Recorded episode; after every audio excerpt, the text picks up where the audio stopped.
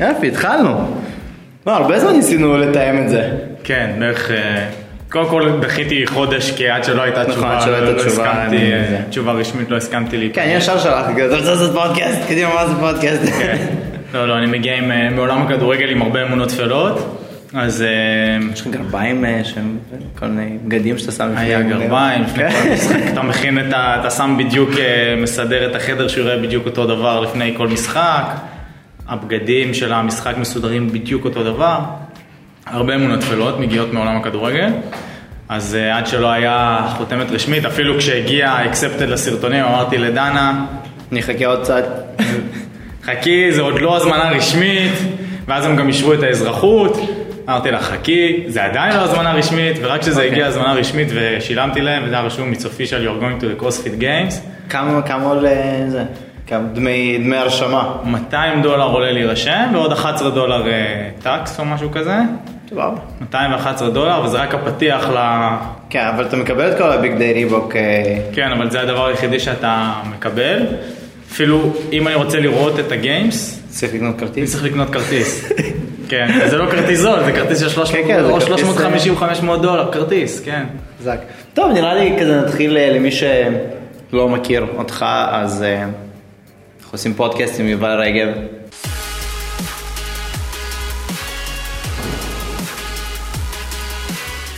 אה, יובל, רגב, שהשנה סיים את האופן ראשון, והוא טס לקרוסט גיימס. זה הגבר הראשון שיהיה בגיימס, נכון? כאילו בבוגרים. בבוגרים, כן. כן. אז אה, תספר קצת על עצמך, ויאללה, בוא ניתן בראש. אה, טוב, אז באמת השנה ניצחתי את האופן, אחרי, זה השנה נראה לי השישית שאני משתתף באופן. כמוני. אה. כן, רק שאני מסיים תמיד איזה מקום 30-40. זהו, השנה תכף סיימתי 24, אני בסדר. אז זהו, אז אה, בפעם הראשונה סיימתי איזה מקום אה, 58 או משהו כזה.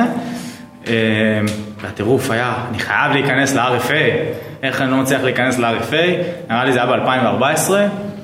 אה, זהו, 2015, 16, 17 התקדמנו, והשנה כל התנאים הבשילו לזה שאני...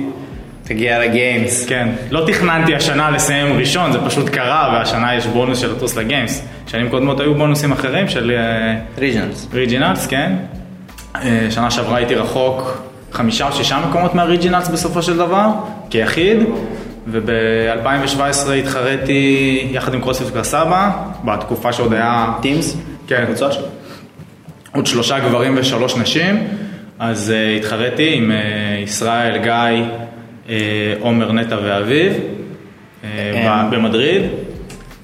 זה שישה אנשים, כאילו, שלושה גברים, שלוש נשים, כן. כולם טסים ל- לריג'נלס, או שזה כולם, ששישה מגישים תוצאות? לא, אז אה, זה היה... אני חושב שיש איזה... כן, היה, קבוצה הרבה יותר.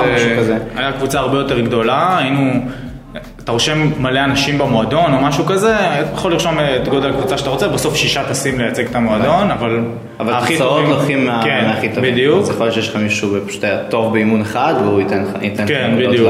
אז, אה, ואז בשקלול אתה מרכיב, אה, אה, בעצם מי, שאימן אותנו אז, ואיתו התוכניות אימון שלו, אני עובד כבר שבע שנים, זה רון כפרי. הוא בעצם היה האחראי על הקבוצה, והוא החליט מי נוסע בשקלול של כל התוצאות. אז אה, כמו שאמרתי, נסענו, זה היה ב-2017, הצגתי את... התאמנת אצלו, התחלת להתאמן אצלו במועדון? לא, אז האמת שאני עוד התאמנתי בימים הראשונים ראשונים של הרצליה. פגשתי איזה חבר בחדר כושר ב-2012, הוא אומר לי, יאללה, חלאס עם המרתונים האלה, בוא, תעשה משהו אמיתי עם עצמך. אמרתי לו, מה זה משהו אמיתי? הוא אומר לי, מה, יש מקום שגם רצים וגם עושים כושר ופה ודברים כאלה, אבל זה בהרצליה. עכשיו, כאילו, גרתי בתל אביב, אני עדיין גר בתל אביב. היה נראה לי מוזר לנסוע כל פעם להרצליה בשביל משהו להתאמן. הגעתי לאימון הראשון, פגשתי את אה, עמרי, הגעתי לאימון, ראיתי שלושה אנשים, לא, לא הבנתי מה קורה, אה, אבל משהו תפס אותי. אז התחלתי עוד בימי הרצליה הישנים, אה, ושם פגשתי גם את אביב, אביב אמר לי שהוא פותח מועדון בפלורנטין, בעצם מתחילת אה, 13 אני חושב. אני עם אביב יד ביד בכל מקום, ו... וזהו, לפני זה עשיתי מרתונים, ואז עברתי ל... ל... לעולם הקרוספיט. אז היה לך בסיס אירובי רחב לפני ש... כן, קודם כל הייתי מגיל אה, מאוד צעיר, אני ספורטאי מגיל, אני חושב מגיל אה, אפשר להגיד 4-5, אבל בפועל בתחרויות ג'ודו התחרתי כבר בגיל 6-7. בתלמונד, הייתי נוסע כל פעם ממכבי זהו, רעות אנחנו לתלמונד. נגיע לג'ודו כי עכשיו אני עובד עם אה, יבגני קלושין, הוא כזה מתאמן אצלי בליווי מרחוק, ובדיוק אמרתי לו שאני הולך לעשות לך פודקאסט, הוא שלח לי רשימת שאלות שהוא רוצה שאני אשאל אותך. אז- עד גיל, באמת מגיל 6 עשיתי, הייתי בג'ודו. אה, ואז אתה ילד, אתה עושה גם ג'ודו וגם כדורסל, ומסיים את החוג ג'ודו והולך לחוג כדורסל, אז אה, בערך גיל אה, 11 עשיתי הכל, ואז אה, אימא שלי אמרה לי בצורה מאוד אה, ברורה, שאם אתה רוצה להיות מקצוען במשהו, צריך לבחור משהו. אז אה, כדורסל בטח בגלל הגובה. כן, אז כדורסל, אה, הלכנו, הלכנו לבדוק שאני כנראה לא אהיה גבוה, ואז אמרנו, טוב, אין ברירה, למרות שאני טוען שהכי מוכשר הייתי מהכדורגל ומהג'ודה, הכי מוכשר הייתי בכדורסל, אבל ידענו שאני אהיה גמד, אז לא היה, לא היה פוטנציאל. ואז אמרתי, טוב, ג'ודו או כדורגל, אה, אף פעם אני לא עושה משהו בשביל להיות כזה סבבה, לא, מכיר, לא, לא מצליח לעשות את זה, פשוט לא נהנה מזה. אמרתי, טוב, מה יש בג'ודו? ג'ודו יש אולימפיאדה. כמה מגיע לאולימפיאדה? מגיע אחד. מה הסיכוי שלי? אה, כנראה לא גבוה, יש יותר סיכוי אה, לעשות משהו גדול בכדורגל. אה, אז התגלגלתי לעולם הכדורגל. בעצם עד גיל אה, 16 הייתי, שחקתי כדורגל מקצועני, בגיל 16 עברתי פציעה מאוד קשה בברך, במשחק של נבחרת ישראל.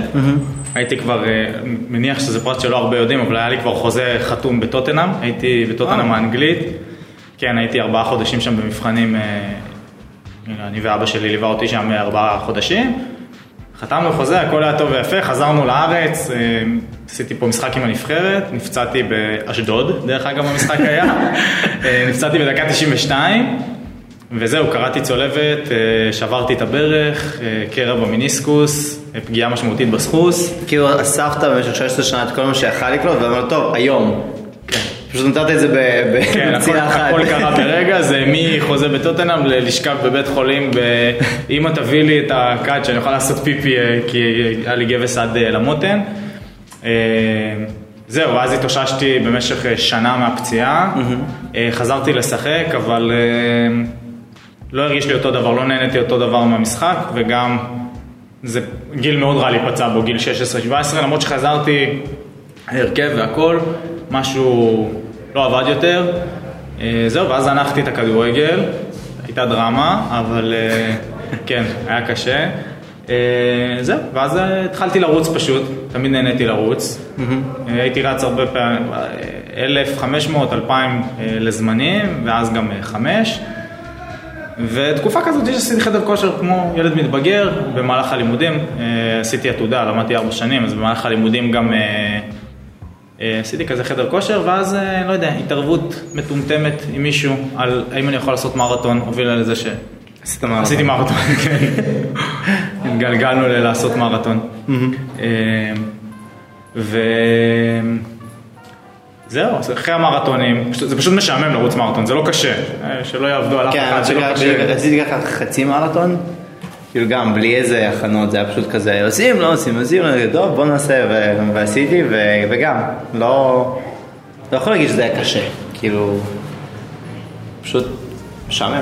משעמם מאוד. והפלייליסט מתי שהוא נגמר, וזה היה לפני הספוטיפיי, אז רצתי עם mp3, יש לך כן. בדיוק את ה-20 שירים שאתה שומע אותם.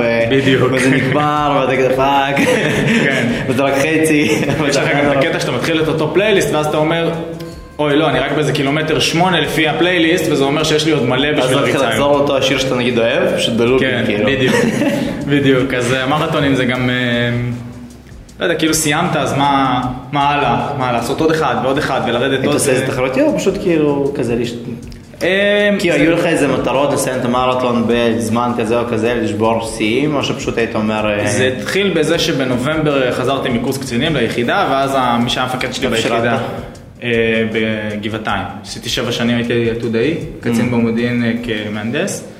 מי שהיה המפקד שלי אמר לי, בוא נצא, הייתי יחסית חדש, חודש ביחידה, הוא אמר לי, בוא נצא ל...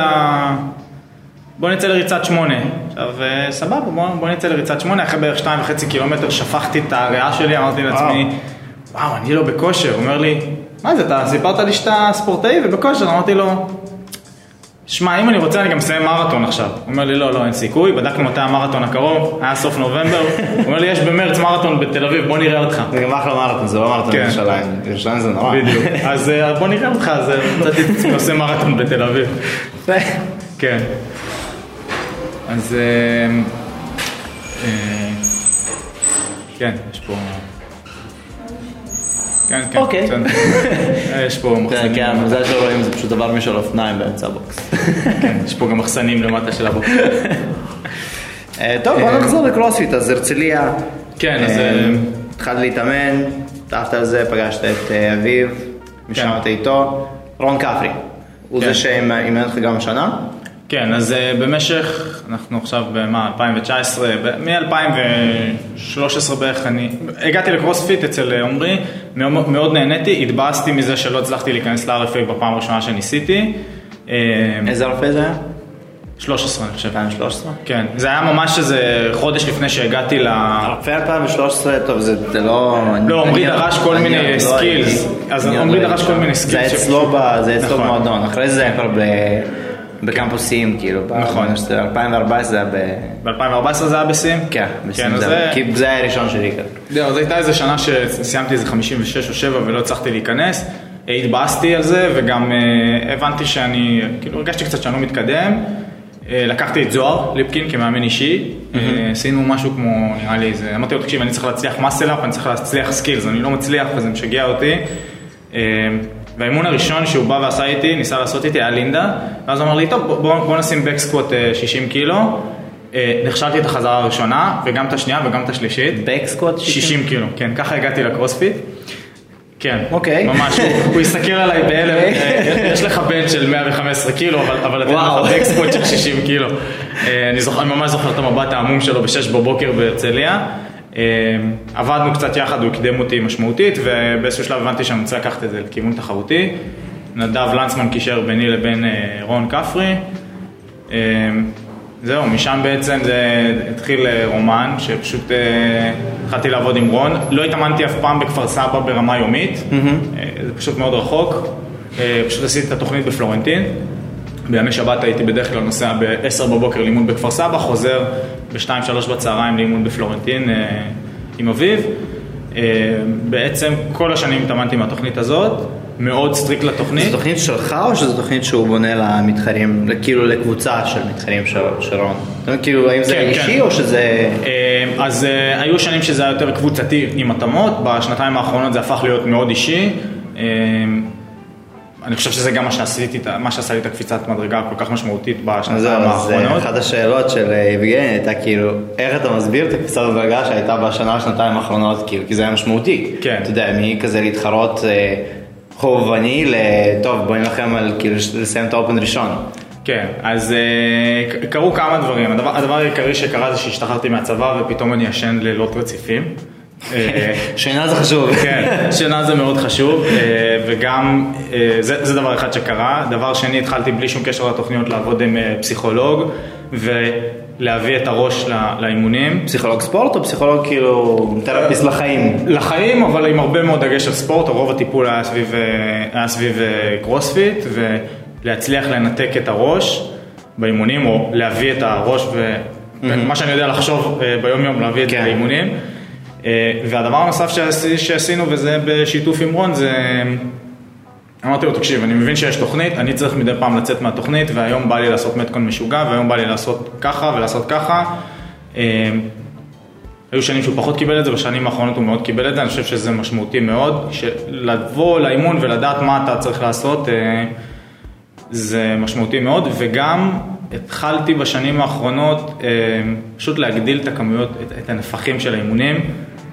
אני, דרך אגב, אני כמעט לא עושה מתקונים במהלך השנה, רוב האימונים זה אימומים עם נפחים אה, מאוד מאוד גדולים. אה, ואז בגלל זה כשהגעתי ל-19.5 וגיליתי שיש 105 chest to bar, אז אמרתי, אוקיי, בסדר, זה לא נפח גדול, או 30 בר מסלה ב-19.4, נפחים שאני יודע להתמודד כן, איתם. האמת שג'יימס פיסגר הוא הבעלים של OPEX. אה, יש להם גם ליווי וזה וכל מיני, אז תמיד מדבר על קרוספיט תחרותי והוא מדבר על אה, functional capacity, כאילו. אתה עכשיו לוקח מישהו ואתה רוצה להכניס, הוא רוצה להתחרות בקרוספיט והוא סבבה, הוא יודע chest to bar, אז הוא אומר, טוב, אבל הוא רוצה להשתתף או להתחרות? כי הוא רוצה להשתתף, סבבה, אולי זה מספיק, את החזרות שהוא יכול לעשות, ואם הוא רוצה להתחרות, אז אז functional capacity הוא הרבה יותר גדול ממה שנראה לנו. כאילו זה לתת איזה סט של unbroken 50 חזרות, לנער ידיים, לנוח דקה, להיכנס לעוד איזה 30 כן. unbroken. אז זה, אז אתה יודע שיכול באמת כאילו להביע את זה בתחרות, אחרת הוא סתם אה, בא כאילו להתנדנד על המתח.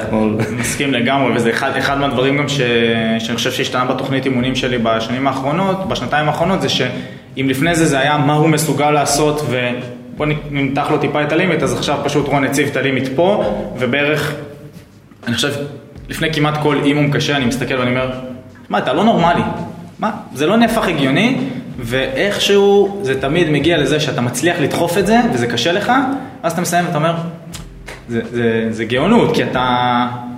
זה לשים לך בדיוק את הנפח שהוא קשה, שהוא מאתגר אותך, אבל לא להיכשל באימון, כי אם אתה פשוט נכשל אז זה כנראה יבאס אותך מהר מאוד. אה, ועוד משהו שעשיתי בשנתיים האחרונות זה הצמדתי לעצמי שופט באימונים. אה, אביב יושב עליי בהרבה מאוד אימונים, סתם מגיע לאימון, ואביב יושב עליי, תדחוף פה, אתה נראה טוב.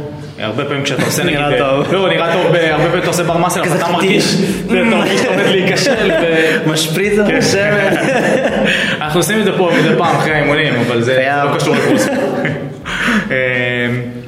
אבל אה, באמת, לפעמים מישהו מסתכל עליך מהצד, אתה מרגיש כבר שאתה עייף, ושהתנועה לא נראית טוב, או שהבר מסל אפ לא זורם, ואני, ב-19-4 זו דוגמה מעולה, שאביב פשוט עמד מהצד ואומר לי, יש לך עוד ארבע חזרות, אל תרד, אני רואה, אתה לא קרוב להיכשל, ובאמת, אחרי זה אני מסתכל על הסרטון, ואני רואה, באמת לא הייתי קרוב להיכשל. אני בתחושה שלי, אין לי עוד-. חזרה. אמ, אז עשיתי את זה גם בהרבה מאוד אימונים, נקרא לזה רגילים.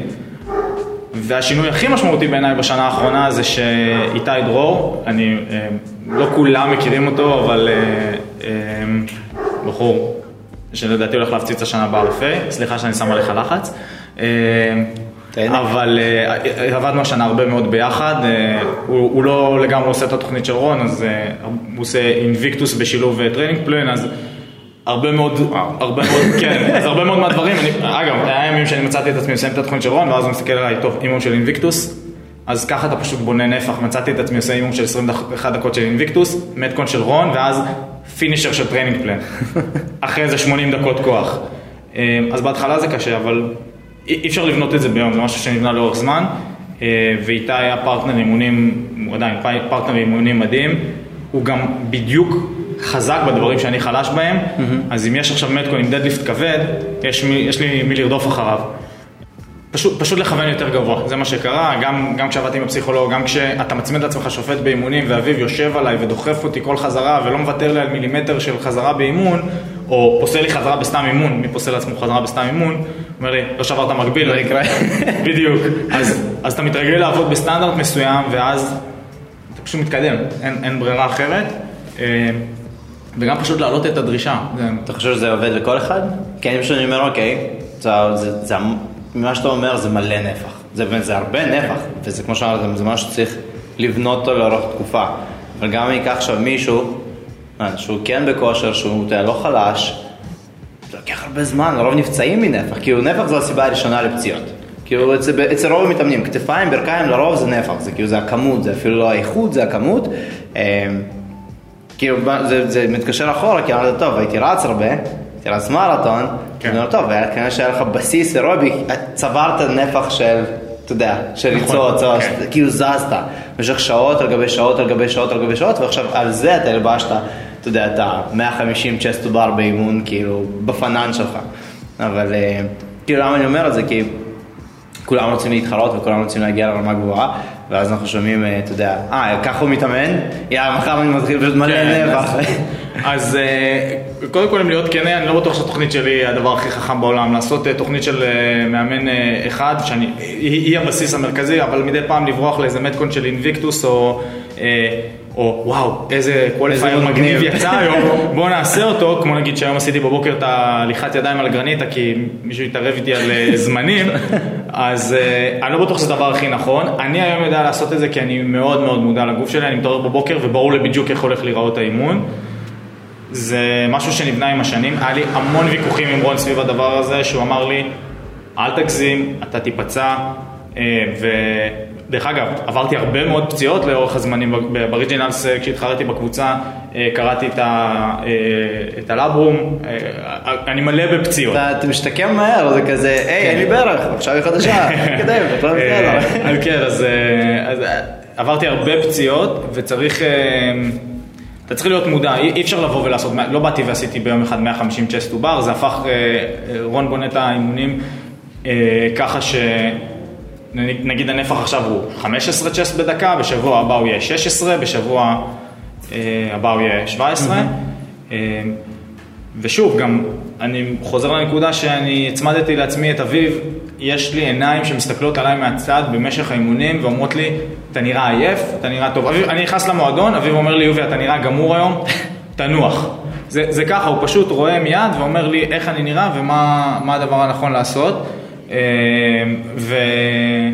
ואחד מהדברים, קודם כל זה מאוד קריטי, ואחד מהדברים אה, שלא הרבה אנשים יודעים, אבל כשסיפרתי לך על הפציעה בריג'ינלס, מהריג'ינלס חזרתי 87 קילו. אוקיי.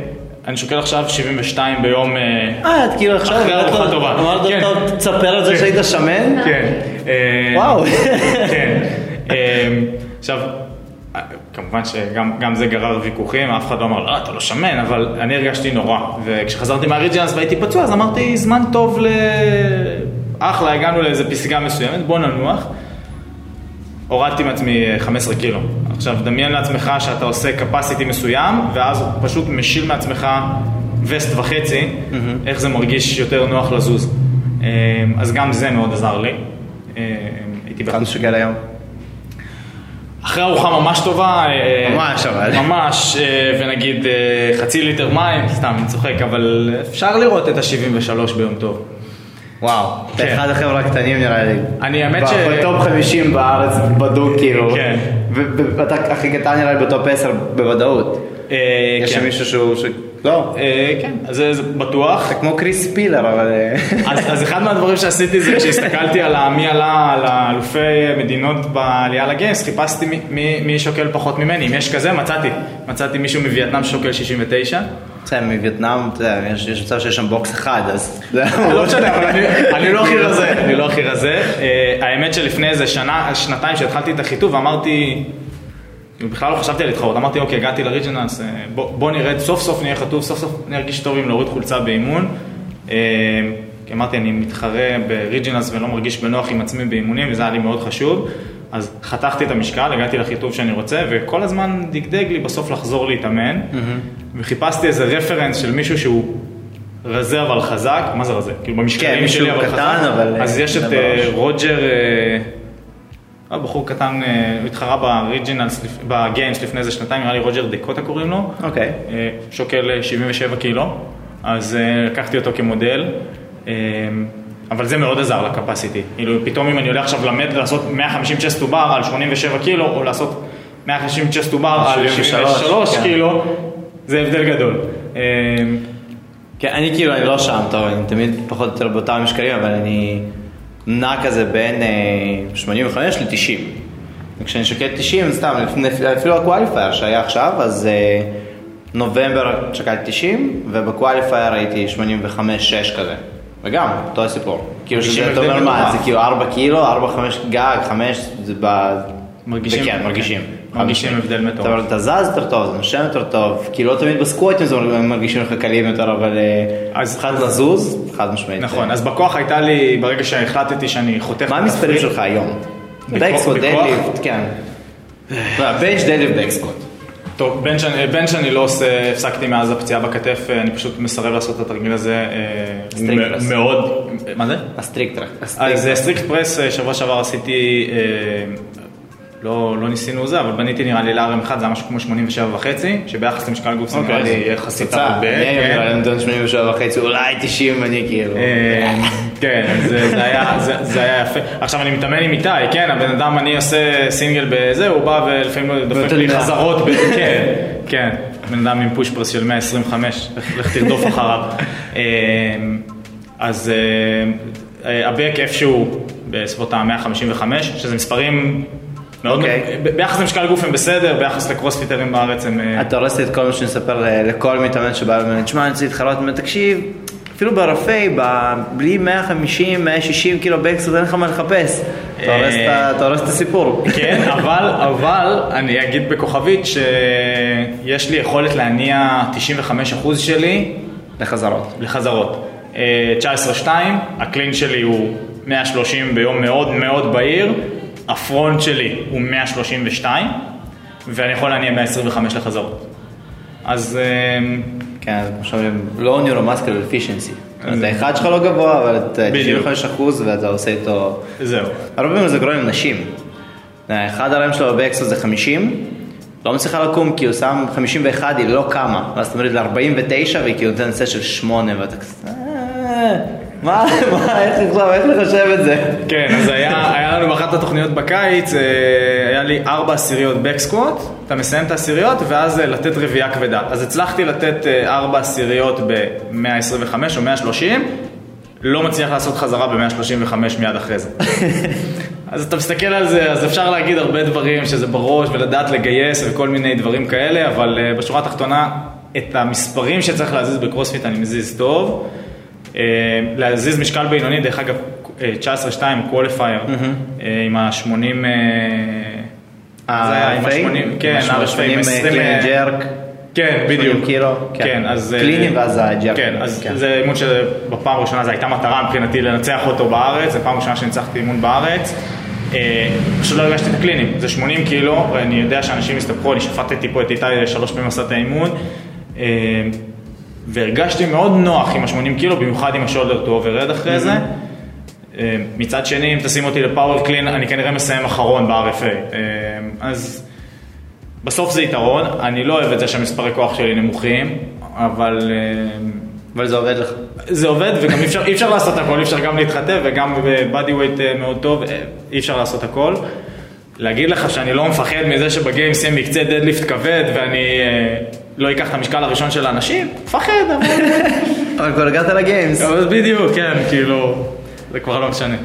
אה, אבל, אבל אה, לגבי ההורדת משקל מאוד עזרה לי עם הנפחים, האימון כמו 19-3, פשוט לא- פשוט לא הרגשתי שאני עושה strict handstand push-up? אה, גם הליכת ידיים. באיזה ב- כאילו, איך לא איך חילקת את נגיד את ה handstand push-ups. 28, אוקיי. 10, ואת ה-12 וזה מה שנשאר. ואת ה- כן, את ה-12 האחרונים חילקתי נראה לי ל-6, 4 משהו, כאילו רק נתתי אה, לכתפיים לנוח. אה, איזה יומיים אחרי זה אמרתי, אני חייב להרגיש כמה אני עושה ברצף, ואז עשיתי פה אה, 75 handstand ב-40 unbroken ואז עוד 35. כ- וואו. כ- בצד, כן. אה, אז כשהופיע strict handstand push-ups, אתה ידעת שעל זה הולך ליפול על לקום האימון, אתה ידעת שאתה הולך לסיים אותו בין הראשונים. אז סיימת כש- ראשון? סיימתי אותו ראשון, והאמת שסיימתי אותו 65 בעולם, שזה, שזה יותר מרשים בעיניי. אה, התחיל לחפש כזה, טוב, את ברנט פיקובסקי עקפתי, אותו עקפתי, את ה big names. האמת שיום לפני האימון שאלו אותי, אה, עשינו פה אימון, אה, אני, דנה, אה, איתי, שאלו אותי מה אני רוצה, אז אמרתי, אני רוצה שיגזימו מלא strict handstand pushup ואחרי זה מלא נפח הליכת ידיים.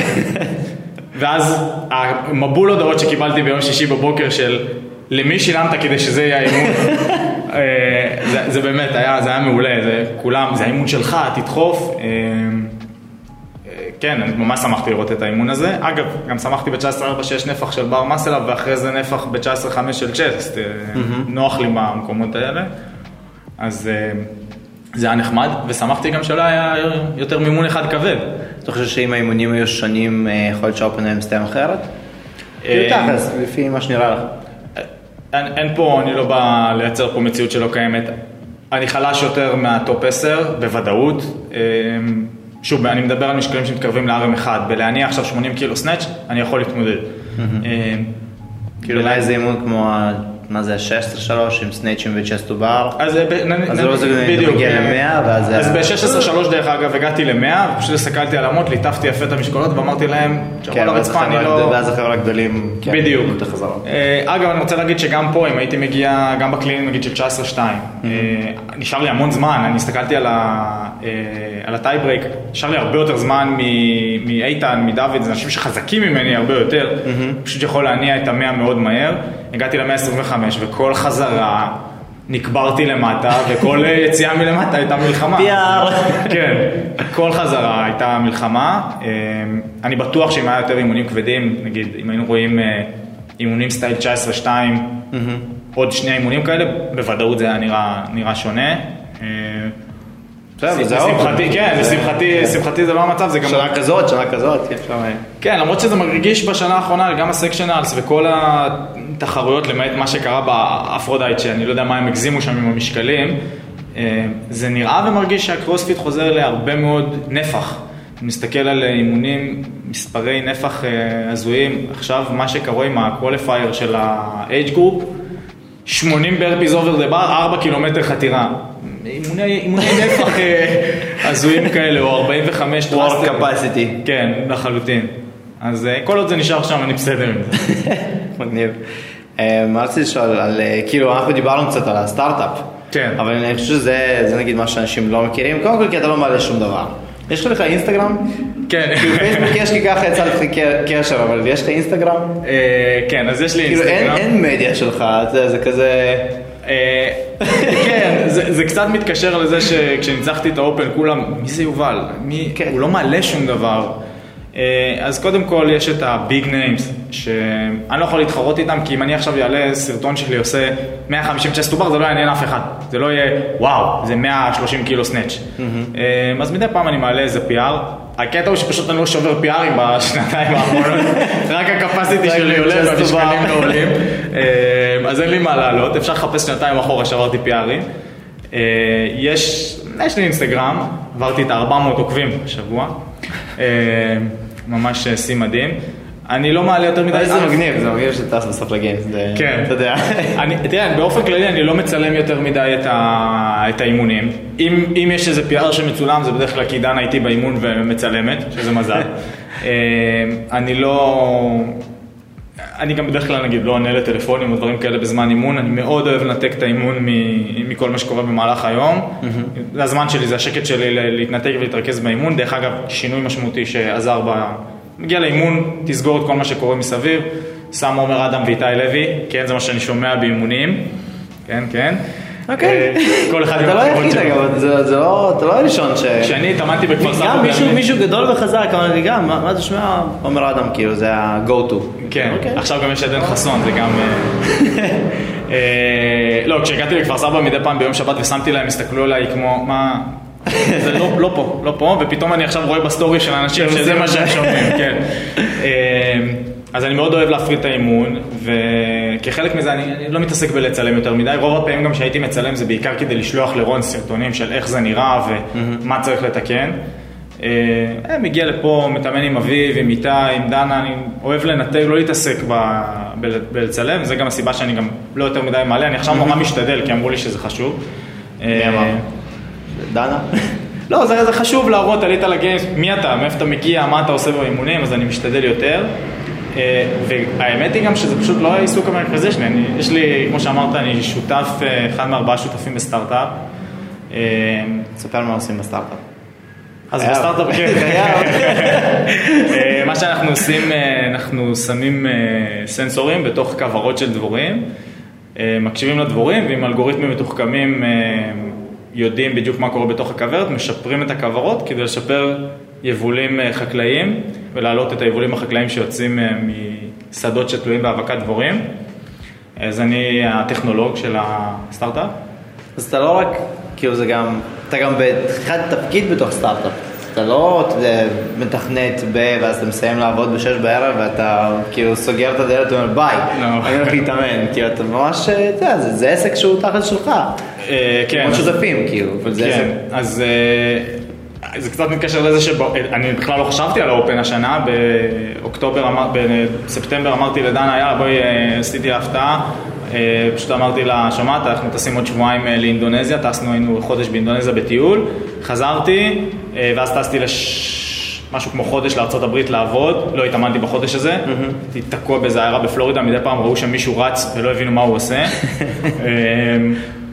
ורוב היום, ממש רוב היום אני עובד, אה, שישי שבת זה לא שישי שבת, בתקופה, הייתה לנו תקופה מאוד קשה עם לקוחות בתחילת השנה, בינואר-פברואר, זה היה באופן קבוע שאיתי שולח לי הודעה בשישי ב-11 בלילה, אתה עובד או שאנחנו מתאמנים מחר? אמרתי לו, לא, לא, עשר דקות אני הולך לישון, שולח לו הודעה בארבע בבוקר, תשמע, אפשר להזיז את האימון לשתיים, שלוש, לא ישנתי כל הלילה. אה, עובד כל יום, עד אמצע הלילה, עכשיו 50% מהחברה פה, 50% מהחברה בקליפורניה, 10 שעות, אז כשאני מסיים יום עבודה הם מתחילים יום עבודה. אה, מנסים למצוא את הזמן, אני מתעורר כל יום, משתדל להתעורר בין חמש וחצי לרבע לשש. איך נראית שגרת אימונים שלך? כאילו, טוב, בטח אחד יכול לספר את זה, איך זה נראה? כאילו, אתה קם, הולך לעבוד, הולך להתאמן, כאילו... אז uh, השגרת אימונים שלי גם קצת תלויה בשגרת לימודים של איתי, אבל uh, בגדול אני מתעורר בחמש וחצי, רבע לשש. Uh, נפגשים פה בשש ורבע, שש ועשרים. אימון עד משהו כמו תשע ורבע. Uh, מגיע הביתה, מתקלח, מגיע למשרד בעשר, בסדר גודל. עד שבע בערב, שמונה בערב אני במשרד, עובר שנייה ארוחת ערב ודברים כאלה עד תשע, אה, ובדרך כלל אז עובד עד איזה אחד.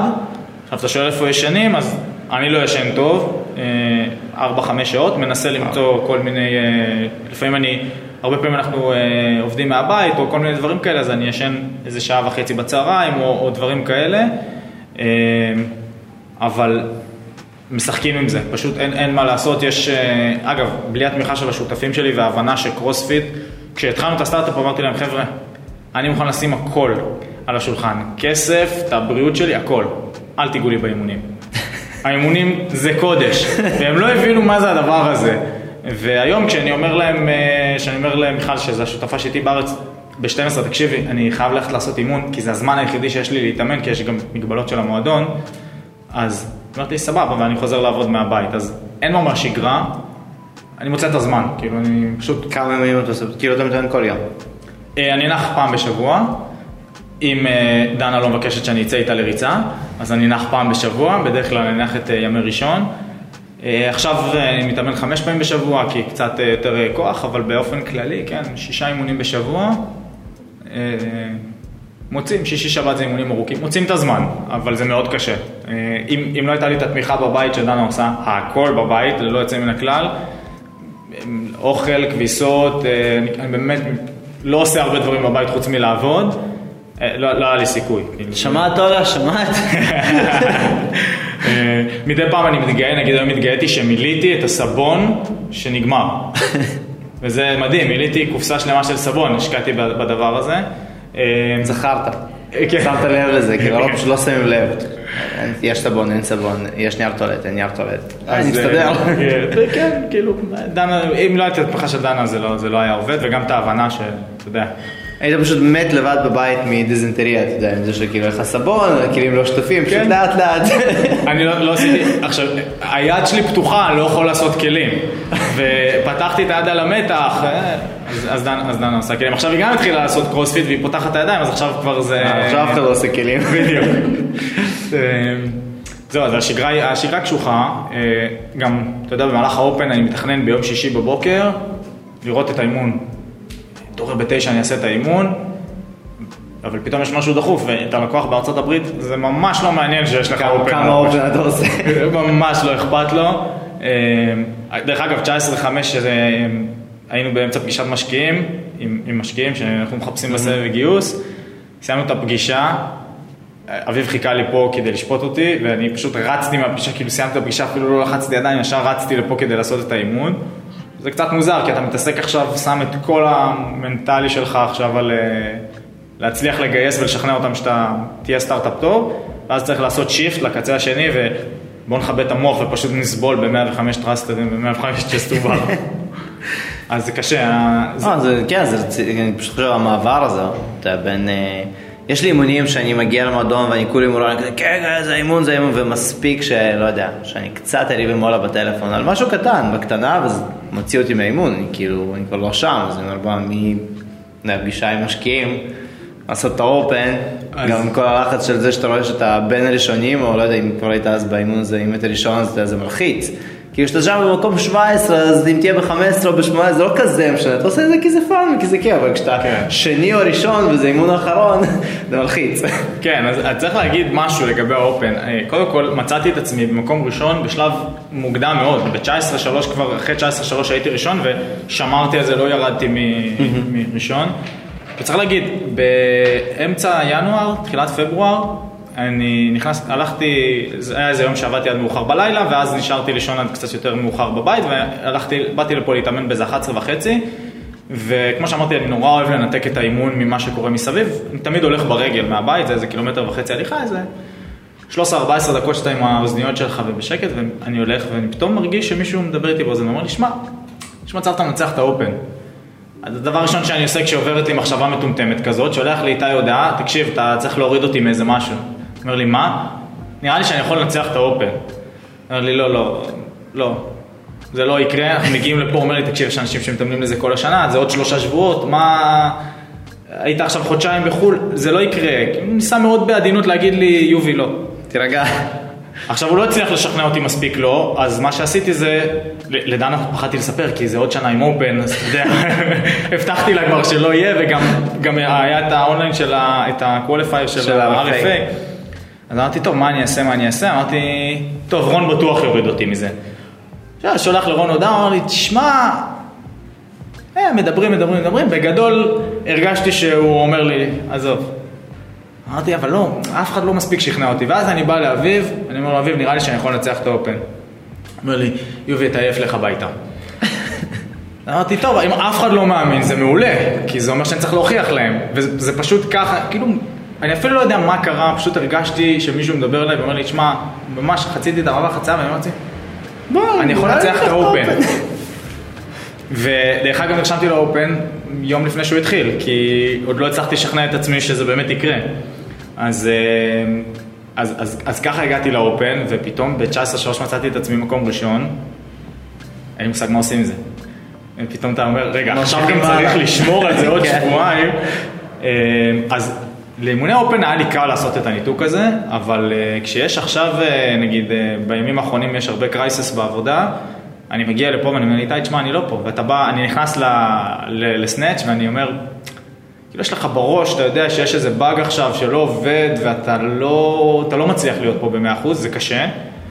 אה, זה משהו שב Open הצלחתי לעשות טוב, אה, ב qualifier של ה-RFA גם, קשה לעשות את זה בכל אימון ואימון, בטח שאתה מתאמן לבד, בגלל זה אני מעדיף להתאמן עם פרטנר, אה, ובגלל זה אני מעדיף שאביב יישב עליו בכל אימון ואימון ויבעט אותי כשצריך לבעוט בי. אה, אבל זה לא קל לעשות את ה- את הדבר הזה, גם זה בסוף עם כל האהבה לקרוספיט, כמה שהוא יחסית, אה, אני עושה אותו בצורה מקצוענית, זה לא העיסוק שלי. ואם משהו עכשיו קורה בחברה. בדיוק, אם משהו עכשיו קורה בחברה, זה יותר חשוב, אין מה לעשות. איך אתה עכשיו מתכונן לגיימס? שיניתם משהו בתוכנית עם רון? כאילו, רון טס? אה, כן? כאילו, לא יודע, יכול להיות וואלה, שהוא- עסוק, יש לו box, אני יודע. אה, תראה, קודם כל זה דבר מאוד מאוד יקר, כן? אה, אני יודע, אני טס, אה, אנחנו נבוא נהיה בארצות הברית אה, כאילו לתקופה, וזה יוצא, כאילו כמה ימים האחרונים זה יוצא על Games, אבל אנחנו בקליפורניה כזה, בסן דייגו. אז... אה, אני גם אהיה שם לפני ה Games, אבל זה כאילו חתיכת טיסה עכשיו, וכל כן. הזה, אתה מתחיל לספור, אתה אומר, בואנה, גם כשאתה בתוך ארצות הברית, כאילו, כן. לטוס ל Games, זה זה זה ממש. הוצאה הוצאה. כן, זו הוצאה גדולה, אז אה, רוני יוטוס וגם אה, איתי ואביב ודנה וכל מי ש... אני מקווה שתהיה פה עלייה גדולה. אה, איך אני... crowdfunding לזה. סתם. אה, יכול להיות שלא תהיה עוד הזדמנות, כאילו. אני חושב... אתה רוצה לחזור על זה? לא, לא, אין סיכוי. אין אז סיכוי. יאללה, זה אין הזמן. סיכוי, אין- אין סיכוי. אה, אבל... אה, קודם כל אין סיכוי שאני אעשה את זה עוד פעם, אני גם- לא רואה מצב שאני חוזר מאוגוסט ובאוקטובר. בשנה הבאה, בשנה לא, הבאה, אבל אתה אמרתי את זה כבר יותר אתה מדי עובר, פעמים. עובר את אותו מעבר חצי הזה.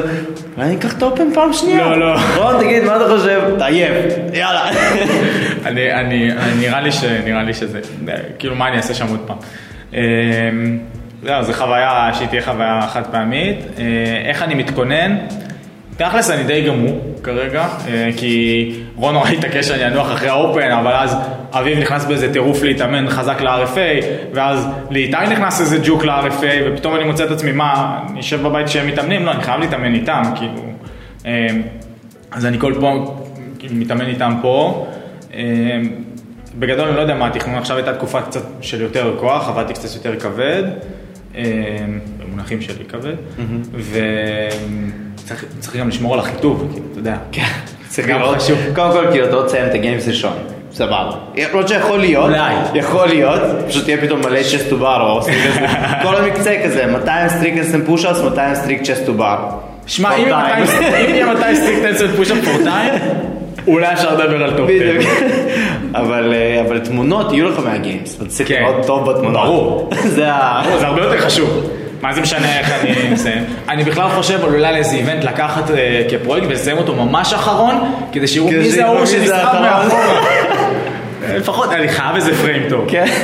אה, אבל אה, אני לא, לא, לא יודע כמה אני אעשה הכנה מיוחדת. בסוף תחרות, אני בא בעיקר ליהנות ממנה, זה נראה לי הדבר הכי חשוב, ליהנות מלהבין. אני עוד לא מעכל שאני עושה את זה. כאילו, דנה יושבת בבית ואומרת לי, אני לא מבינה מה אתה מתרגש שרשום שזה רשמי, כאילו זה רשמי כבר לפני שבועיים.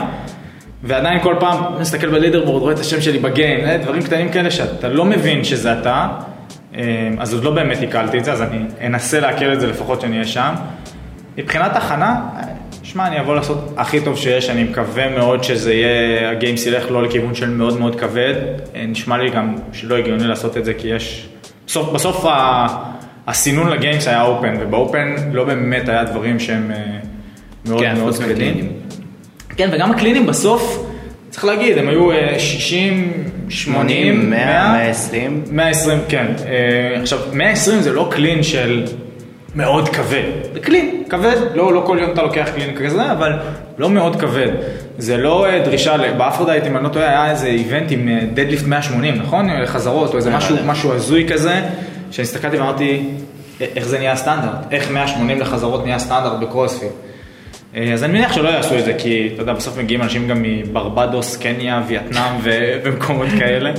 אה, אז אני מניח שזה יהיה בסדר.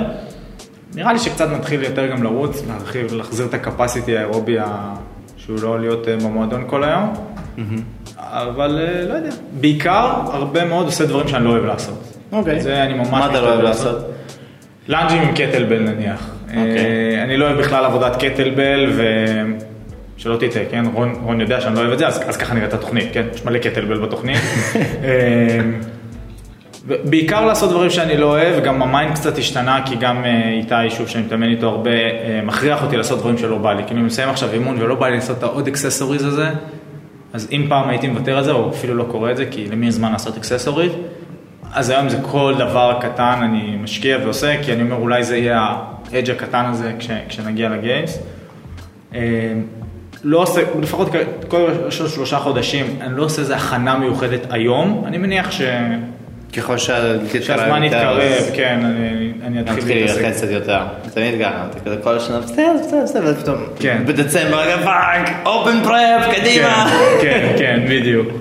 נראה לי שהלחץ ממש יגיע שאתה תשמע כזה 3, 2, 1, go, פתאום תסתכל, אני מקווה שבמקצה הראשון לפחות אני- נהיה עם כל הגדולים, שיש סיכוי אה, איזה לתת לפרייזר איזה... אבל אתה תמיד נתת, כאילו, סיימת top, אתה- כל אופן, את האופנים סיימת טוב, נכון? כאילו, שעה- ההתקדמות שעה- זה היה 50, 30, נראה לי 11, 10, 4. זהו, תמיד הייתי כאילו במקומות אה, טובים ב Open, בסדר, לא בש- אולי לא בשנה, שנתיים ראשונות, אבל אחרי זה, אתה יודע, היית ב top כן. 10.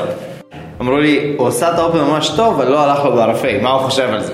אז הנה, הכי פשוט, כי אני כאילו, כן. תכל'ס זה לא יודע איך ש- ב-RFA או כן, ב Open. שתהיתי על מה נדבר, אז זו השאלה הראשונה שהיה לי ברור. כן? שנדבר. היא בטח מחייכת, נכון? קודם כל, יש בעיניי אה, הבדל מאוד גדול בין לעשות אה, תחרות. לא, לא על זה לא לא על זה רצית, חשבת שאני מדבר. למה? בטח על סט- על סטנדרטים ועל סרטונים. גם על סטנדרטים וסרטונים. כן, אה, זה מה- שאני שומע כאילו כן. בכל מקום. אני אתייחס לזה. תעלה אותה פשוט, לאנשהו. אז אה, וואי, תעשה crowdfunding? תקשיב, ובשביל לראות את הסרטונים, צריך לשלם. כאילו לשלם איזה 200 דולר. זה לא רעיון רע, זה לא רעיון רע. זה לא רע בכלל. יש מצב טוב, יש מצב טוב. לא, עם כמה שהגיימס עולה, אני מתחיל לחשוב על אה, כל דרך אה, אפשרית. אה, לגבי ה-RFA, אז קודם כל, את ה-RFAים הראשונים אני שם בצד, כי גם אז זה היה שונה. כאילו, ה-RFAים הראשונים שעוד היו בהדר יוסף, זה היה בעיניי, זה לא כל כך היה קשור לקרוספיט. ב-2015 או 2016, כאילו, סליחה, קרוספיט זה, אפשר להגדיר את זה איך שרוצים. כן, לגמרי. אבל ב-2015 או 2016, אני לא זוכר. שנה אה, של סנאצ'ים ומוט רק? כן, בדיוק. זה הפעם הראשונה בחצי, גמר, שזה היה לאחר סינון, זה הפעם הראשונה שנגעו במוט, באימון. בסדר? ובאימון היחידי שהוא היה אה, קרוספיט כקרוספיט, נראה לי היה wall ball ו chest to bar או משהו כזה, סיימתי אותו- סקייר, wall ball, chest to bar, סיימתי אותו, אחלה אה, סיימתי אותו 14, אה, את- האימון עצמו סיימתי 14, כן. שהיה אה, דיין וזה, גם סיימתי אותו איזה 20, שזה בערך היה המיקומים שלי באותה תקופה. ב-2016 אני כבר לא זוכר מה, ב-2017 היה, אני לא אפתח את זה פה, ב-2017 היה הרפא האחרון שעשיתי. אה, ו- 2017 זה פעם ראשונה שעברו לאולם החדש. נכון, בהדר יוסף. אה, לא, זה מהדר. מאה- סליחה, בהיכל שלמה. כן. אה, אז היה שם, שבועיים אחרי זה טסנו לריג'ינלס, היה שם הרבה מאחורי הקלעים שנשאיר בצד, כי זה פשוט לא מעניין ולא רלוונטי לדבר על זה עכשיו. הלך לי גרוע, אין מה, אני לא מחפש תירוצים, הלך לי גרוע, עשיתי את ה... תכף נדבר בעיניי על ההבדל בין אופן ל-RFA, אבל אם נתייחס ספציפית ל-RFA ב-2017, הלך לי גרוע, הגעתי עם פציעה, אה, אני לא יודע עד כמה אנשים מודעים, אבל אני עם פריצות דיסק, אה, והאימון, כן. מה? כן. מה- אה, כן, כן, אני אמרתי, אמרתי בהתחלה, אני לא, אני סוחב הרבה פציעות, אה, ומי שסובל מפריצות דיסק יודע שברגע שהדבר הזה מתעורר, כמעט אין מה לעשות עם זה. האימון של ה overhead עם ה burpees פשוט שרף לי את הגב, אני פשוט הגעתי למצב שאני עומד ולא עושה לא burpees, לא, אה, לא יכלתי להתכופף. אה, ושוב, אני אומר, היה, היה הרבה דברים מסביב, שם את זה רגע בצד, אני יכול להבין את התהייה. אגב, אני לא רוצה לנקוב שמות כי אני פשוט לא אוהב לעשות את הדבר הזה. מציע למי ששאל את השאלה להסתכל, יש לא מעט אנשים שתראה איפה הם מוקמים באופן ואיפה הם מוקמים ב-RFA, וזה מביא אותי להתייחסות של מה ההבדל בין אופן ל-RFA. וזה בעיניי גם מה שמייחד אותי כספורטאי, או בעיניי עושה אותי ספורטאי יותר טוב אל מול עצמי, זה היכולת להתמיד במשהו לאורך זמן.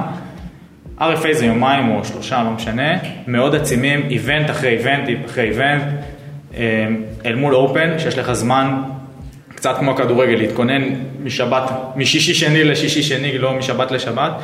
אה, אתה יודע שנערך לאימון, ההכנה שלי לאימוני אופן היא מאוד, מצד אחד מאוד מנטלית, לכל אימון ואימון, מצד שני מאוד מאוד אה, מחושבת, אני, כל אימון יושב עם אקסל, עוד לפני, ש, עוד לפני שדה פרוגרם וכל אלה פרסמו את זה, גם ב-2016 הייתי יושב, מנתח סרטונים של חבר'ה גדולים שהעלו, יודע בדיוק כמה לקחת לי כל חזרה, פשוט יושב ומסתכל על זה מתמטית, מדפיס את הדף, מביא אותו, תולה אותו בבוקס, אני בכלל לא חושב על מה שאני עושה, אני פשוט מסתכל מה קורה. אה, עכשיו, יש הבדל גדול בין זה שאתה נערך לאימון, שאתה יודע מה האימון, כי מן הסתם אתה עושה אותו, יש לך פעמיים לעשות אותו. אגב, באופן סיסטמטי, ימי שישי שלי נראים קטסטרופה, וימי שני אני משפר ב... רגע, זה לא אותו ספורטאי בכלל. אה, רון היה משתגע מזה, מהדבר הזה של איך זה מה שקורה ביום שישי וזה מה שקורה ביום שני. זה לבוא לאימון שאתה יודע כמה זמן לוקחת לך כל חזרה ואיך צריך, להיראות כל, ה- כל תנועה וכל טרנזישן, זה שונה מאשר שאתה פוגש את האימון פעם ראשונה. עכשיו, שוב, לא מתנער מזה. כספורטאי טוב, אתה צריך לדעת לעשות גם את זה וגם את זה.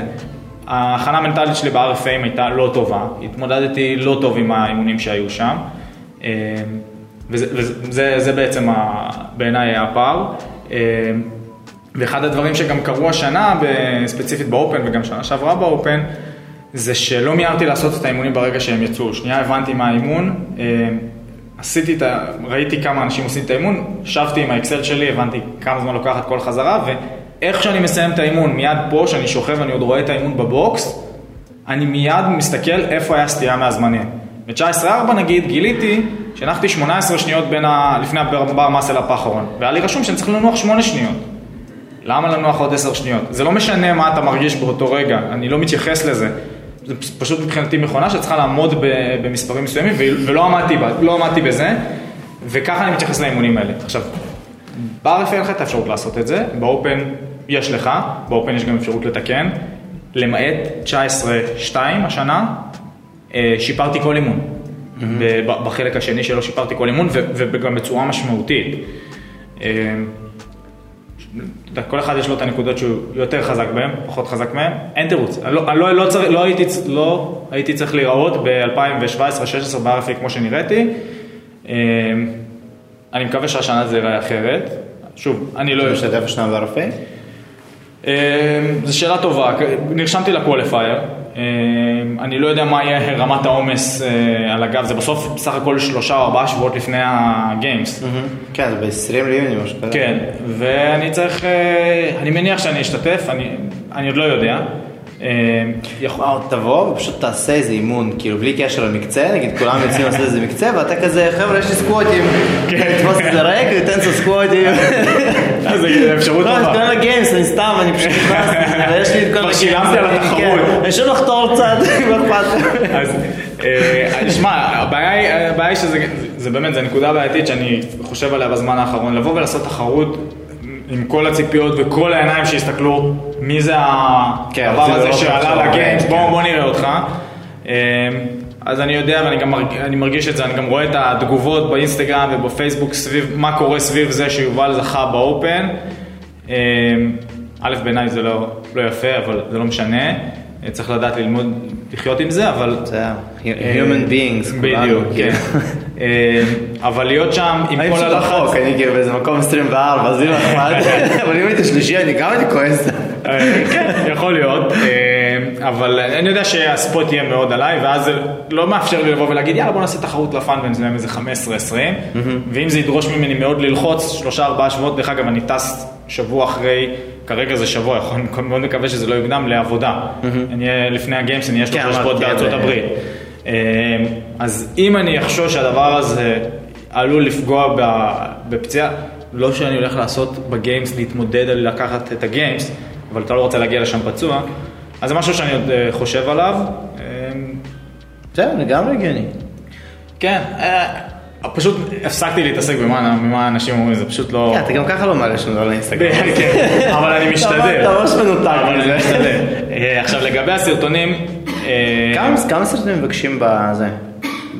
כאילו הקרוספיט, אחרי שאתה מסיים את האופן. הם ביקשו שניים, אוקיי. אה, ואני יכול להגיד לך שבתור בן אדם מאוד לחוץ, כל יום בבוקר מה שעשיתי בשעה שבע בבוקר? לא, לא את המייל, בדקתי את האנליטיקס של יוטיוב לבדוק מי ראה את הסרטונים וכמה פעמים ראו את הסרטונים, הם רואים אותם והרבה. וואלה. כן, ראו אותם לא מעט פעמים, אה, במיוחד את אה, 19-1, ראו הרבה מאוד פעמים. מה יש לרובי 19 אין לי מושג, זה אחד האימונים הכי משעממים שובר שיש. מגביל בסקוט, כאילו גם אם לא, זה לא ישנה את התוצאה בכל כך הרבה, נכון? כאילו גם מי שעושה את זה עד מגביל, כאילו בסדר, לא יודע, וולבול, וכל פעם, וכל פעם שראו סרטון זה היה, דנה תקשיבי, הם ראו את הסרטון, אין, בטוח הם? עשו לי חזרה. ואז ראיתי מה קורה עם סרטונים בעולם, ושלחתי גם את הסרטונים לרון שיראה את הסרטונים, ושלחתי גם את הסרטונים לאיתי ולאביב, אה, ולחברים דרך אגב שלא קשורים לקרוספיט. אמרתי להם, כאילו, זה הסטנדרט, תשפוט אותי. לא, שלחתי את הסרטונים להרבה מאוד אנשים שאני מכיר כדי לקבל, אתה יודע, בסוף מישהו רואה את הסרטון, אין לך מושג מה הוא חושב, אתה כן. אומר, יחזיר לך תשובה עוד חודש, זה מלחיץ. אה, אז דנה ראתה את הסרטונים, ורון ראה את הסרטונים, ולא מעט אנשים, אה, וכולם אמרו, שמע, אתה לחוץ. זו התגובה שקיבלתי, וכמות הפעמים שהמילה ריג'קטד נאמרה, אני הייתי בטוח שאני הולך לקבל ריג'קטד, למה? ככה. כי, כן. כן, כי אתה כי לא צילמת. מהזווית. בדיוק. אה, אז מסתבר שציינתי מזוויות ממש טובות. תשמע, זה מצחיק. אפילו בקואליפייר של הרפאי, שנה, אותו דבר, אני העליתי תוצאות, אנחנו השנה משתתף בקבוצות. כאילו, החלטה טובה, זה הרבה יותר כיף. קודם כל הרבה יותר כיף, שתיים כאילו, לא בכושר. לא, אבל אה, זה היה תמיד כזה, הרפאי אה, באינדיבידואל סבבה, אז אה, להילחם על להיכנס לטופ 10, כאילו שם, ופה באמת אפשר לקחת פודיום ולעמוד על הפודיום שנה אחת, למה לא? אני חושב ששנה הבאה יהיו הרבה יותר קבוצות. זה כאילו, זה גם כאילו פשוט הרבה יותר כיף. כשהתחרתי בקבוצה, זה פשוט, אה, גם באפרודייט התחרתי עם... אה, אה, עם כפר סבא, עם אז, ואחרי זה הייתה גם תחרות קבוצות של, שהצגתי אז את כפר סבא, וגם ב Regionals, זה פשוט יותר כיף. זה פשוט יותר כיף שיש איתך חברים, ויש איתך... כן, כן. אחד דוחף את השני, זה הרבה יותר כיף. אבל. כשהעליתי סרטונים, אני, כאילו זהו, שלחתי, ואז אני מתחיל, רגע, אז זה עם הסנאצ'ים, אני הראיתי את המשקלים בסוף, הראיתי אותם, הכל סבבה, כאילו באתי וצילמתי והראיתי את המשקלים בסוף, אולי לא ראו את השתיים וחצי, אולי כאילו כשהורדתי ולא לא צילמתי אותו מסלול שחור, אולי לא ראו, ואני כאילו ככה יושב ומאכיל את עצמי סרטים, כאילו, מה יכול להיות לא בסדר, לא, אבל מה סלאפס, כאילו עשיתי וזה צילם אותם כזה חצי מאחורה, בטח, לא יודע, מרון יגיד, כאילו אתה כזה מתחיל לאט לאט למצוא לעצמך כאילו no reg, לא אפילו no יכול- על מה- היית פוסל את זה? זהו, אז אני אגיד כמה דברים, כי הרבה אנשים, שוב, אני באמת לא מתייחס לשמות, כי זה לא, אני לא מתעסק בזה. ואני אגיד בכוכבית שהרבה מאוד דברים הגיעו אליי במהלך תקופת האופן מחבר של חבר של חבר, הדברים שנאמרו עליי היו באמת נוראים. אה, ואתה מוזמן לשאול את הקולגה שהוא גם חבר טוב שלך, לפני כל אימון שלחתי לדוד בהצלחה ודיברתי איתו ושיתפתי אותו וגם עם רשף ועם אה, אה, עם שרבקוב. מי שרק רצה לדבר, סיפרתי להם בדיוק כמה עשיתי בכל אימון ואימון, שלחתי להם בהצלחה, אני פשוט מאמין שככה זה צריך להתנהל. ובעיניי זה יוצר... אף אחד לא מתנהל ככה. בסדר, אתה יודע, זה בעיניי יוצר תחרות יותר טובה, ואני שמעתי את דברים שהגיעו, עזוב, כן, מהבן אדם אה, עושה הרבה מאוד אה, סמים עד אה, זה לא יכול להיות התוצאות שלו. לשמחתי אישרו את התוצאות, ועובדה שזה נכון. ואתה יודע, לגבי סמים, תשמע, זה שקל 73 קילו, כאילו, כן, איפה? על מה אני עושה אותם? כן. זה היה קצת בזבוז. אולי אם שנה הבאה אני אהיה 83, אני אוכל להבין על מה מדברים. ואני חייב להתייחס לסרטונים של RFA. א', אני ראיתי מה קרה, סלספורט או הדף של RFA פרסמו... שאנשים לא מדדו את הסטנדרט של הוולבול, או אנשים לא הראו סטנדרטים של משקלים. ואז אפשרו להם לשלוח סרטון כן. אה, אחר. או אפשר לשלוח אה, את הגובה של ה box אה, אחר כך. עכשיו, א', בתור ספורטאי מה... מה top, אני, אני פשוט לא מצ... כשאני באתי לצלם סרטונים של ה Open, הכל היה אביב תוודא שרואים את זה, תוודא שרואים את זה. אביב רצה לצאת מהפריים, אמרתי לו, תקשיב, אה, רשום בחוקים שאתה צריך להיות בפריים כל רגע ורגע, שלא יהיה סיטואציה שאתה לא בפריים. וה... לזרוק ככה ולהגיד, אה, טוב, יאשרו לי, כי יאללה, יהיה בסדר, נצלם אחרי זה את הגובה של הוולבול. זה תמיד כזה, מה, זה קופסה של סלספורט. כן, כן, אז עכשיו, אני באותו זמן של RFA, אני מצלם גם סרטונים לאופן, ואני אומר, מה, אני אתקשר, אשלח להם, אה, זה קופסה של סלספורט? זה ממש הפריע לי ברמה האישית. אתה ספורטאי שרוצה לעלות לתחרות, ורוצים לעשות את התחרות הזאת, רוצים לעשות את העליית רמה הזאת בארץ. אתה כספורטאי חייב לקחת בדבר הזה חלק, ואם אתה עכשיו עושה אימון, יש סטנדרטים לאימון. זה כי לא רשמו. מה זה? הם לא רשמו. הם לא רשמו מה, לצלם את הסטנדרטים? זה אני, אבל זה שנגיד ההרשמה הייתה עד איזשהו תאריך ואז האריכו את זה. זה הפריע לי, אני לא יודע למה, יכול להיות שאני לא בסדר, אבל...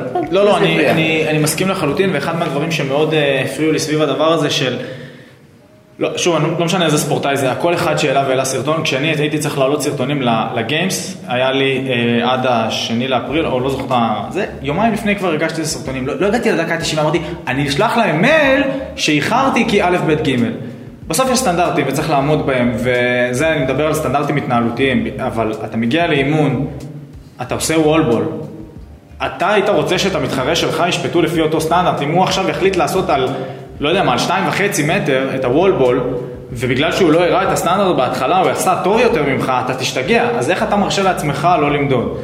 ולא אה, משנה, מישהו ישאל אותי, מה, אתה לא מעלה בכלל סרטונים? אז א', אני אישית אומר שחוץ מגרינקר, שזה דרך אגב אה, מעולה בעיניי מה שהוא עשה, לא ראיתי סרטונים של אף אחד. אה, שלי ביוטיוב. אה, מעולה. אבל, אבל של, ה, של הגדולים, אני לא ראיתי אנשים שמעלים ועושים פאבליק על הסרטונים שלהם, זה אחד.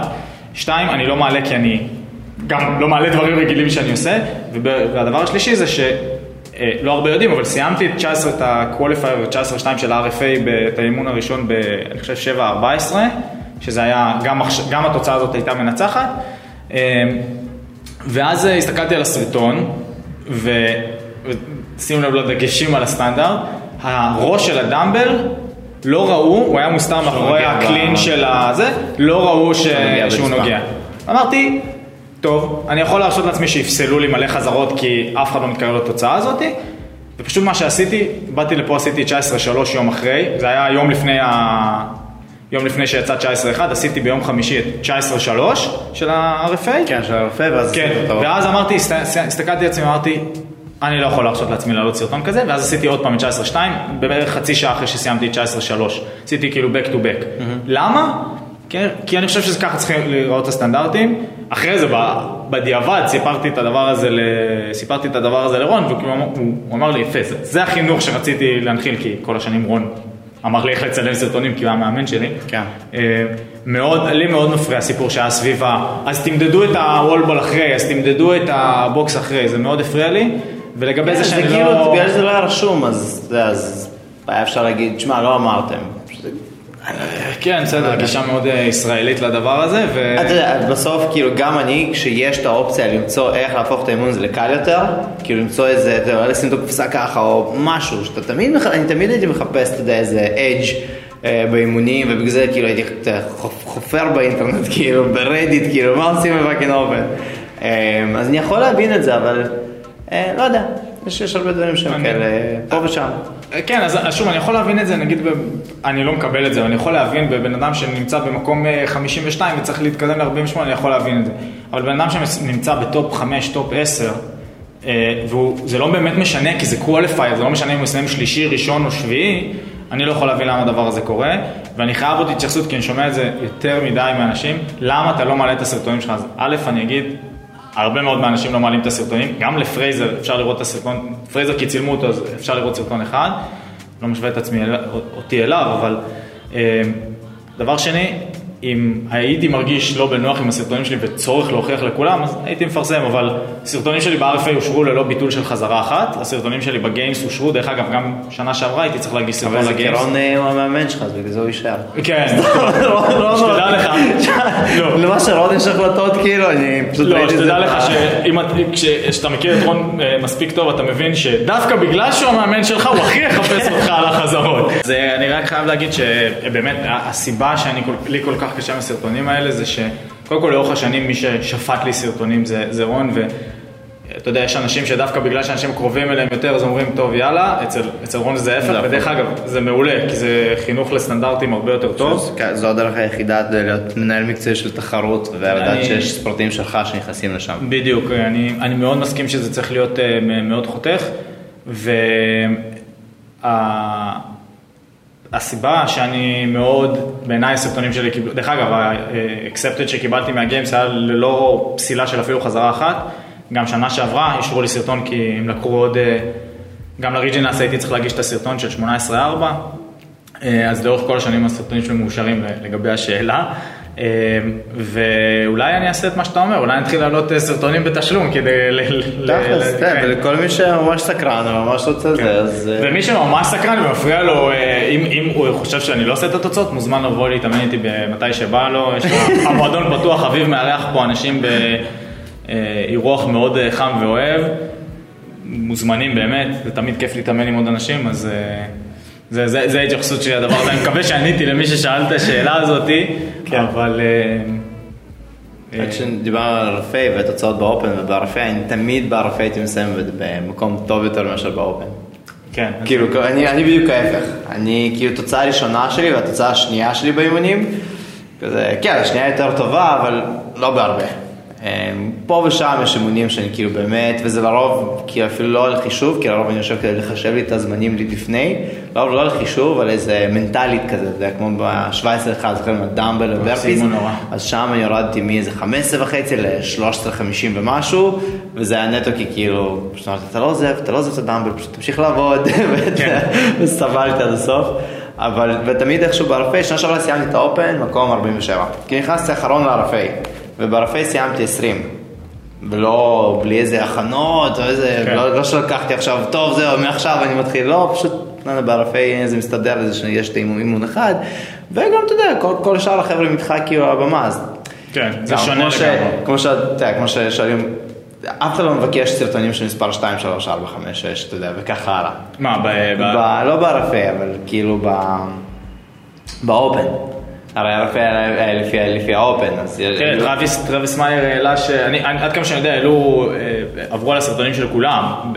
לא, אני מדבר על סתם, בארץ יש לנו 50 איש, אוקיי? אז יש, יכול להיות שיש מישהו שהוא, לא יודע, באחד מהאימונים, הוא עדיין לא נכנס ל top 50 overall, אה, לא אבל לקח אותי באיזה אימון, כן. ואתה יודע, כן, יש הרבה כאלה. בדיוק, אז... נכון.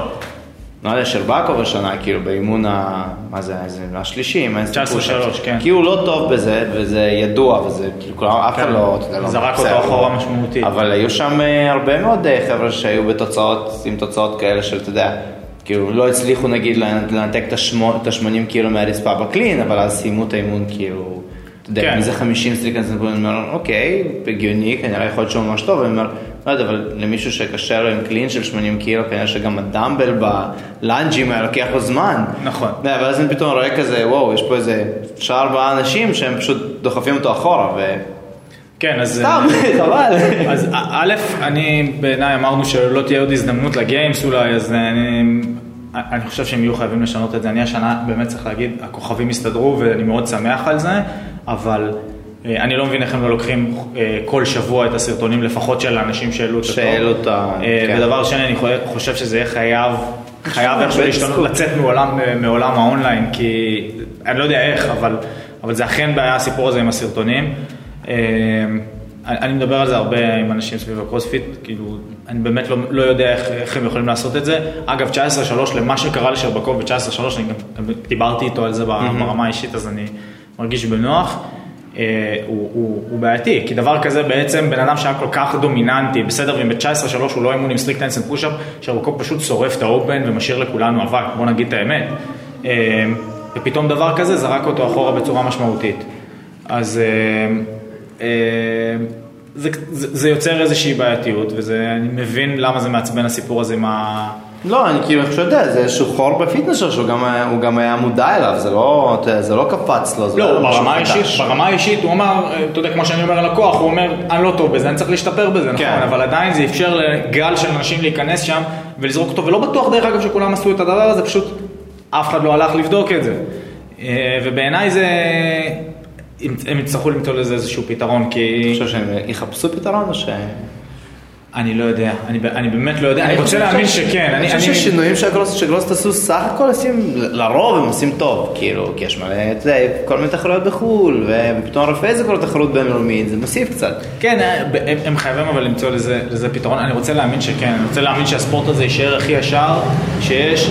ראינו מה קורה עם דווין אה, פורד, אה, כל הטירוף שהיה סביב הדבר הזה. אתה רוצה להאמין שהדברים האלה יסתדרו, אבל... אה, לא, זה, זה באמת, אני לא... כאילו. לא נעים לי להגיד שכשראיתי את הסרטון שלו, אמרתי, וואו, ממה אתה דואג? כאילו, מה הבן ל- למה? לא, לא, זה, שם פחות או יותר אמרתי, אין סיכוי שאני לא מקבל, אה, מקבל אה, אישור.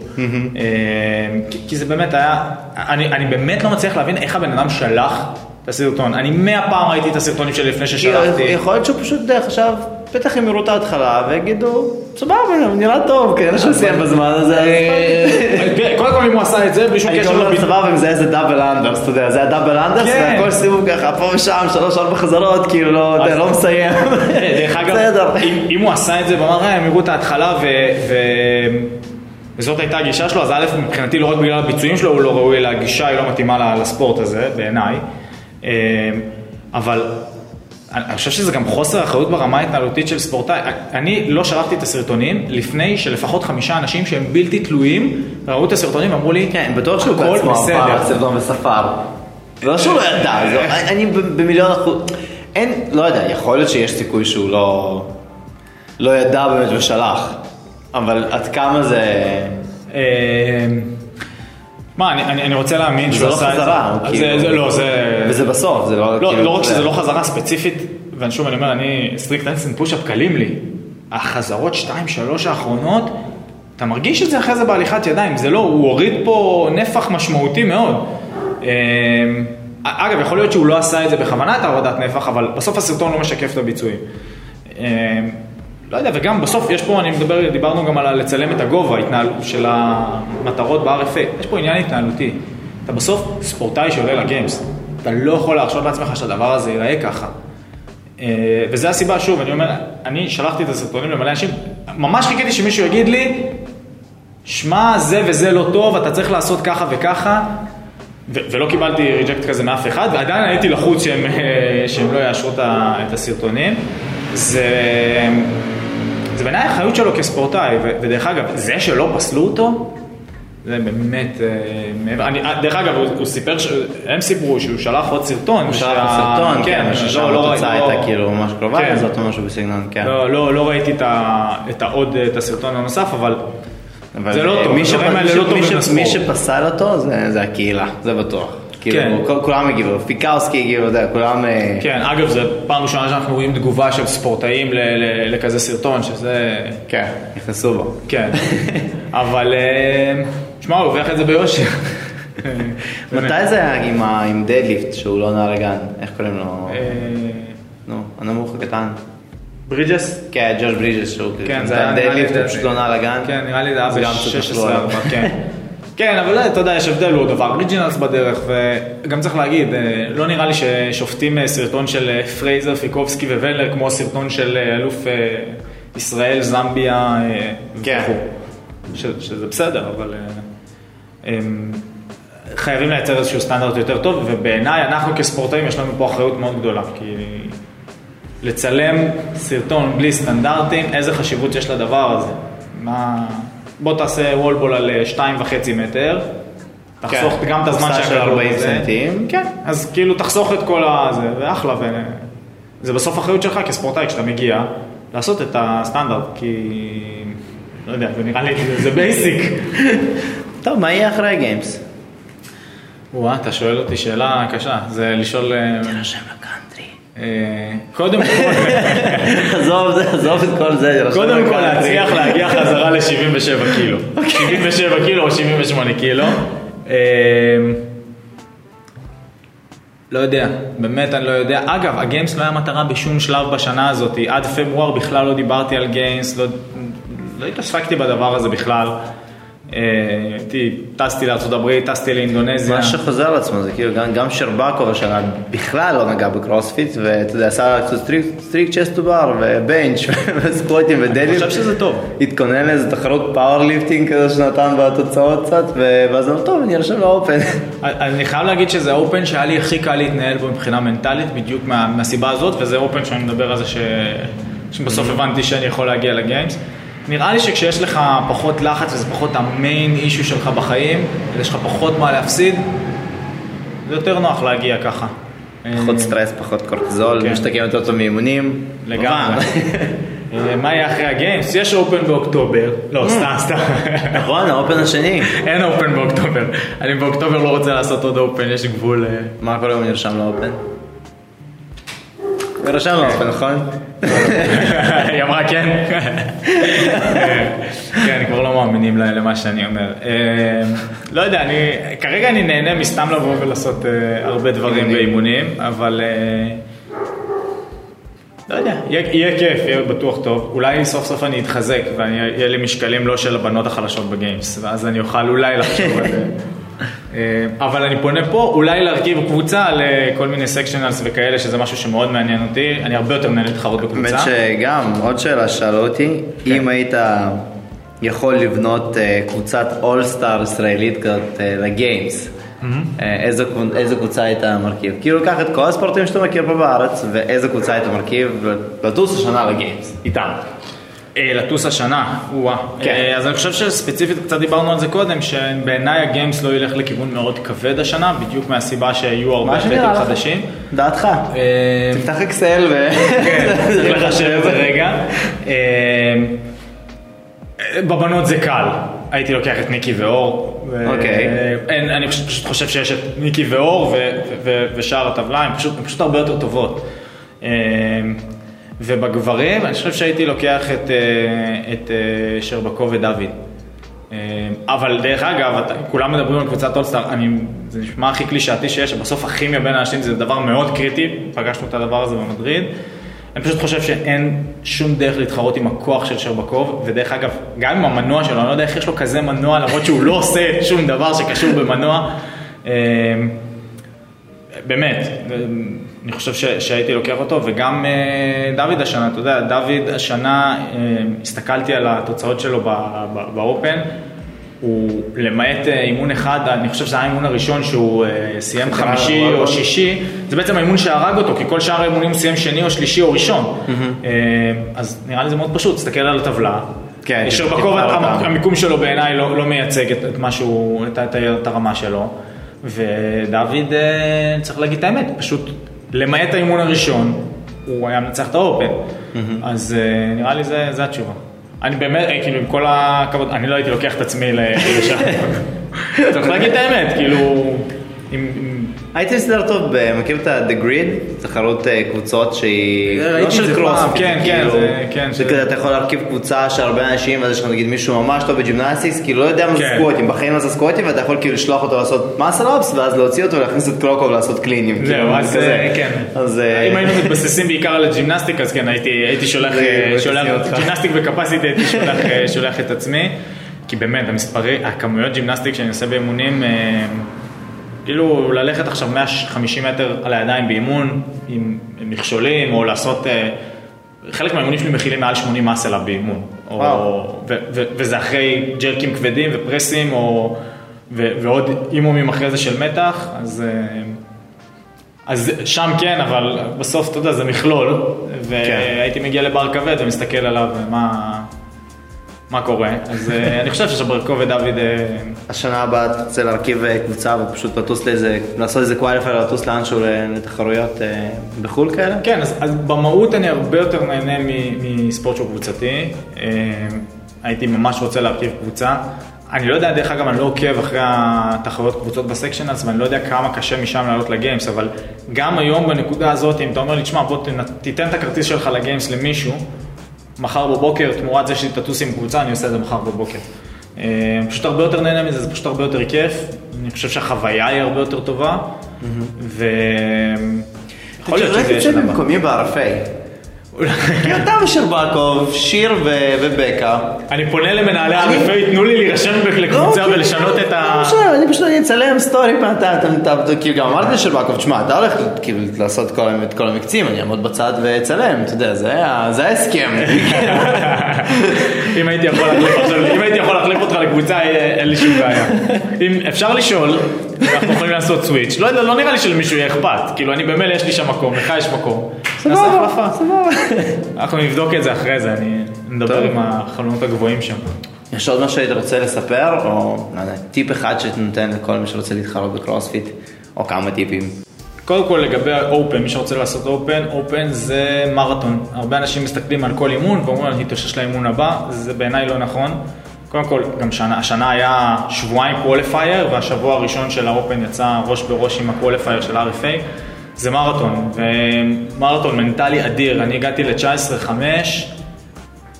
צריך לגייס את כל המשאבים המנטליים כדי לדחוף עכשיו אימון. אנשים לא מבינים את זה, והרבה פעמים עושים את 19-1, 19-2, 3, עושים אותו פעמיים ושלוש, ושישי שבת, וביום שני.